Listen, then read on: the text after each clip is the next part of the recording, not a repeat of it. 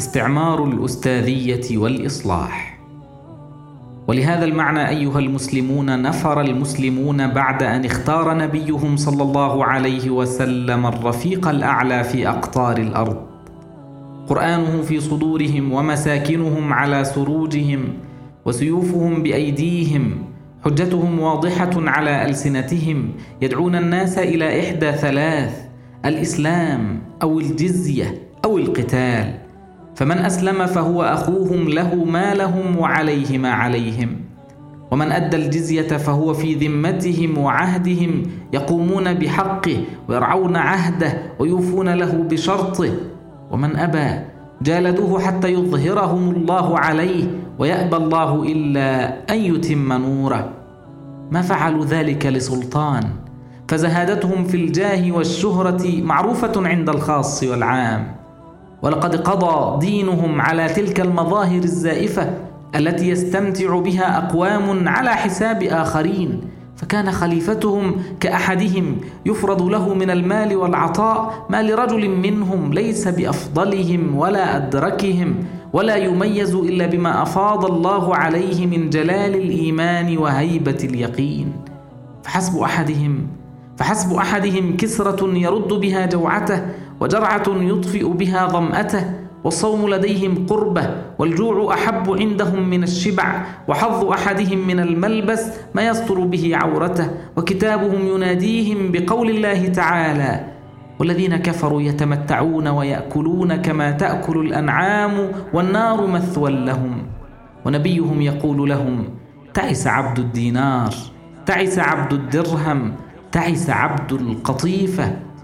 إذ لم يكن مخرجهم من ديارهم لجاه أو مال أو سلطة أو استعمار أو استبداد وإنما كان لأداء رسالة خاصة هي رسالة نبيهم التي تركها أمانة بين أيديهم وأمرهم أن يجاهدوا في سبيلها حتى لا تكون فتنة ويكون الدين كله لله.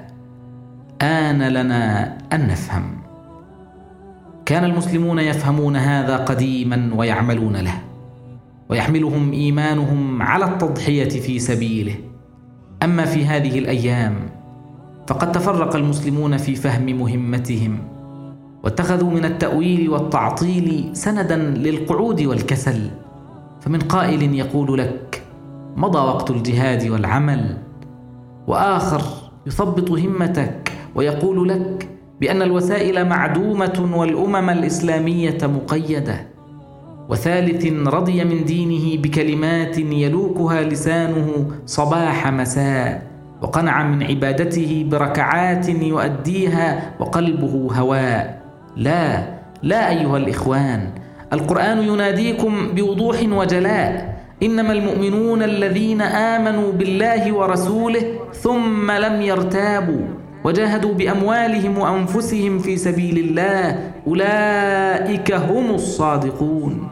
وأما في السنة فيقول لكم رسولكم صلى الله عليه وسلم إذا ضن الناس بالدينار والدرهم وتبايعوا بالعينة وتبعوا أذناب البقر وتركوا الجهاد في سبيل الله أدخل الله تعالى عليهم ذلا لا يرفعه عنهم حتى يراجعوا دينهم. وأنتم تقرؤون في كتب الفقه ما ألف منها قديما أو حديثا متى يكون الجهاد فرض كفاية ومتى يكون فرض عين؟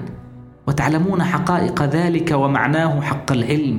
فما هذا الخمول؟ ما هذا الخمول وما هذا اليأس الذي قبض على القلوب فلا تعي ولا تفيق؟ هذا أيها المسلمون عصر التكوين.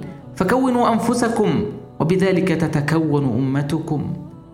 إن هذه الفريضة تحتاج منكم نفوسا مؤمنة وقلوبا سليمة فاعملوا على تقوية إيمانكم وسلامة صدوركم. تحتاج منكم تضحية بالمال والجهود فاستعدوا لذلك فإن ما عندكم ينفد وما عند الله باق. وإن الله اشترى من المؤمنين أنفسهم وأموالهم بأن لهم جنة عرضها السماوات والأرض.